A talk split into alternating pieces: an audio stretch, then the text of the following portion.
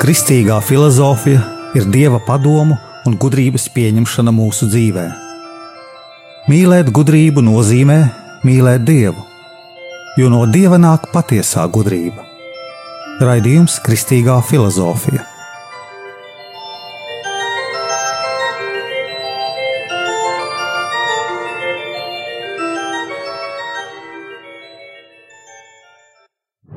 Un mēs, kā teicu vakar, neiziesim no nulles, bet iziesim no e, fenomena, no dotības, no fakta, kas ir sekojošs. Primitīvās tautas nav bez reliģijas. Visas tautas ir ar reliģiju. Un savā pirmātnējā izteiksmē šī reliģija, pirmātnējo tautu reliģija, ir veselīga, ir racionāli patiesa.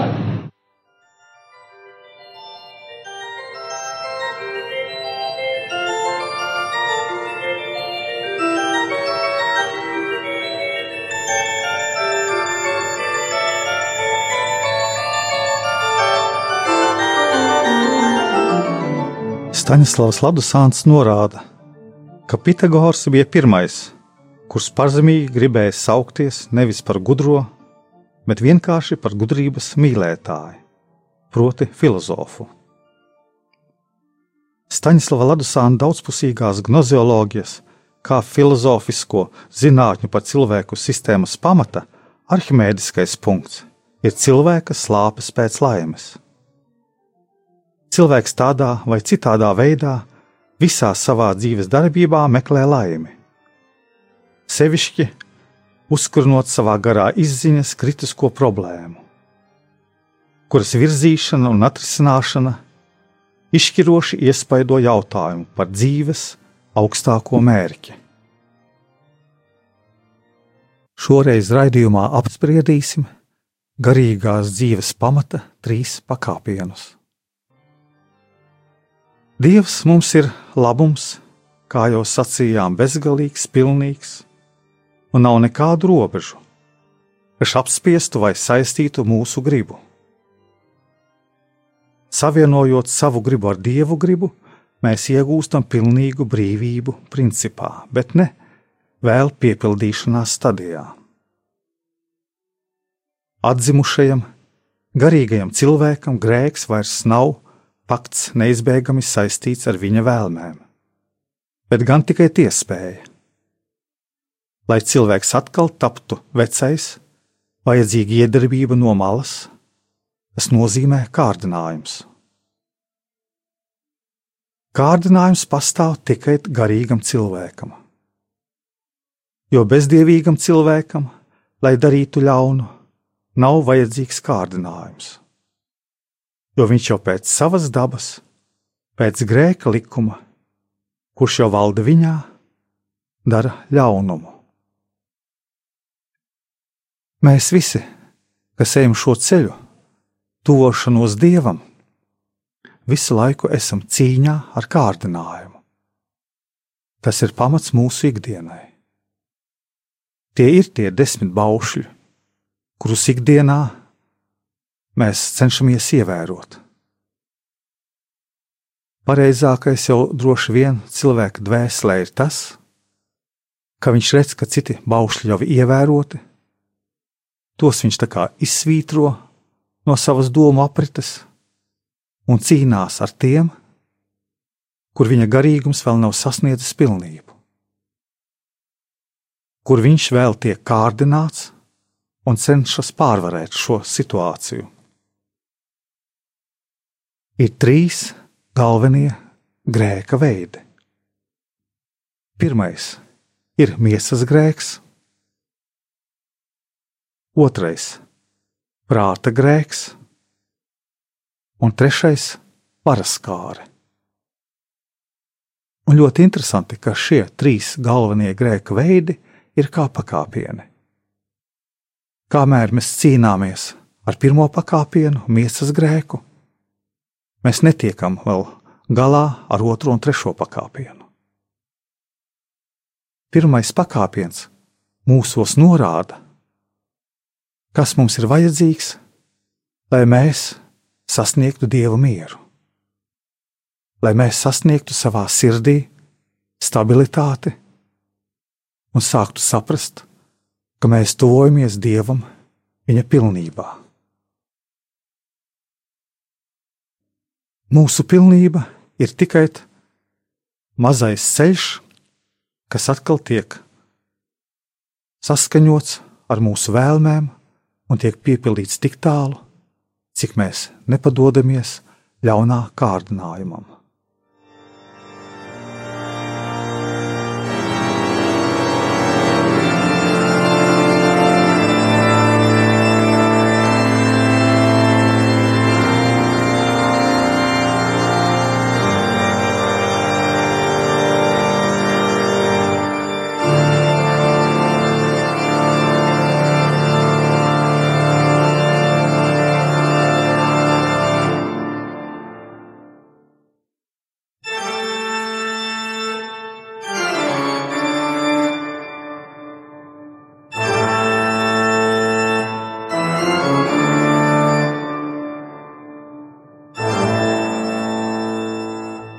Kārdinājums uz grēku ir sevišķi stiprs garīgās dzīves sākumā. Kamēr cilvēks jūt kārdinājumu, tikmēr ir skaidrs, ka viņš nav pilnīgi pārvarējis savu miesu un tās vēlmes. Ja cilvēks ir atklājis patiesību, tā tad jau labāks par citiem. Tā tad viņš ir tas, kas jau tuvojas dievam jo ne visiem tas dots. Cilvēks sāk arī savādāk domāt par dzīves situācijām. Cilvēkā atklājas garīgā dzīve, un tad cilvēks domā arī, ka tā ir priekšrocība citu priekšā. Patiesā dzīve cilvēku paceļ un dara labāku par citiem, un tas tādēļ cilvēks domā, ka arī iepriekš viņš bija labāks par citiem. Šeit rodas pamazām cilvēkā prāta grēks. Tā vairs nav pazemība. Tā ir tā apziņa, kas ienāk, kad cilvēks izpilda baušļus. Varbūt tā ir diena, varbūt trīs, varbūt nedēļa, bet viņā pamazām kārdinātājs dot iespēju domāt, ka viņš ir labāks par citiem un šeit mēs ejam jau prāta grēkā. Tātad, ja viņš ir labāks par citiem, cilvēks domā, viņš arī iepriekš ir bijis labāks par citiem. Pielaižot tādu pašiespaidu, prāts sāk vadīties no paša domām. Bet šis ceļš ieved maldos un melos. Tā kā mēs ar savām domām darbojamies, izdarām secinājumus, mūsu domas bieži vien var noiet no pareizā ceļa, paceļot mūs tajos augstumos, kuros mēs vēlamies būt, bet vēl neesam. Tātad maldi un meli. Meli tie ir meli mūsu pašu priekšā, meli savā sirdī, jo mēs sevi paaugstinām pār citiem. Un izbaudot domu par sevi kā augstāk stāvošu, prāts sāk vērtēt patiesību jau ne kā patiesību, bet kā savu. Tādējādi zaudējot kritēriju starp patiesību un maldiem. Jo savs var būt gan arī maldi un meli. Pārdomājot šo situāciju, mums vienmēr ir jāvadās pēc tā, vai mūsu domas ir pazemīgas vai tiešām mēs sevi novērtējot, neradām no situācijas paši sev melus. Jo, ja mūsu dvēsele ir nepilnīga un viņa nepilnveidojas, viņa ļoti ātri var aiziet šādos maldos, un mūsu prāta grēks aug ar vien lielāks. Ja arī mēs līdz šai galējībai nenoejam, vienalga pielaistās, pielaistais mūsu grēks ar paša domām vai prātu, un prāta lepnību neizbēgami mūsos dvēselē vairojas un turpinās citos radniecīgos grēkos. It sevišķi tas var pāraukt skaudībā, jo domas par savu priekšrocību pieprasa nepārtrauktu atzīšanu no svešiem.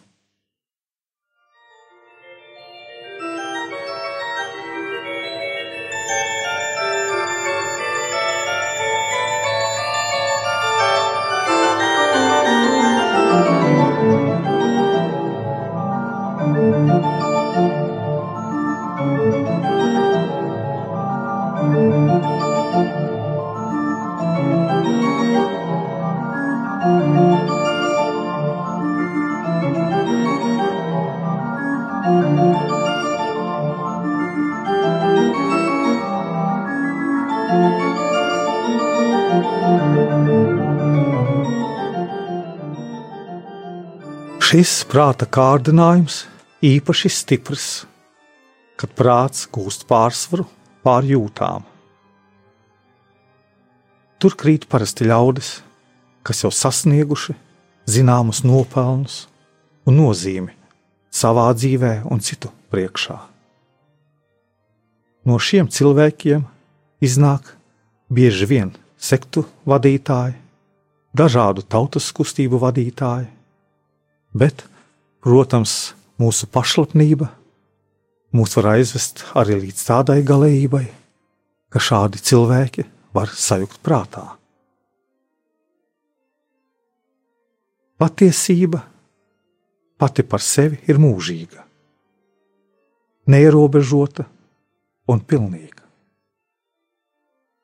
Dārgais klausītāj, tev ir jāsaprot, ka pats galvenais mūsu dzīvē ir uh, mēģināt sakļauties ar vien tuvāk savās domās ar mīlestību. Redzot dieva mīlestību, kas ir mūžīga, neierobežota un pilnīga, mēs varam saprast, kas ir patiesība.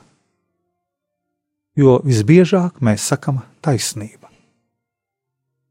Taisnības ir strīdos un arī citreiz divas taisnības neveido patiesību. Patiesība ir tikai dieva mierā un dieva likumos. Dieva likumos, kuriem ir jāienāk mūsu sirdī, kuriem ir jāienāk mūsu prātā un jāizpaužas mūsu darbos. Tā ir mīlestība pret sevi tuvāku un visiem mums apkārtējiem.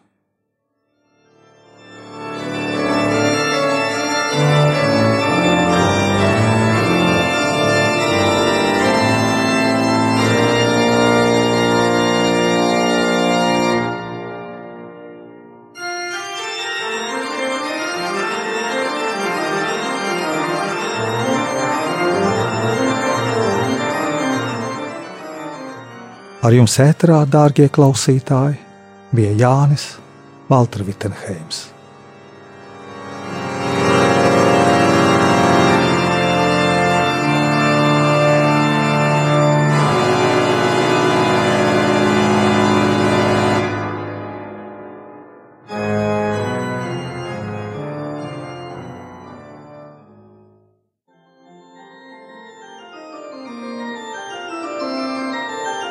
Izskanēja raidījums Kristīgā filozofija.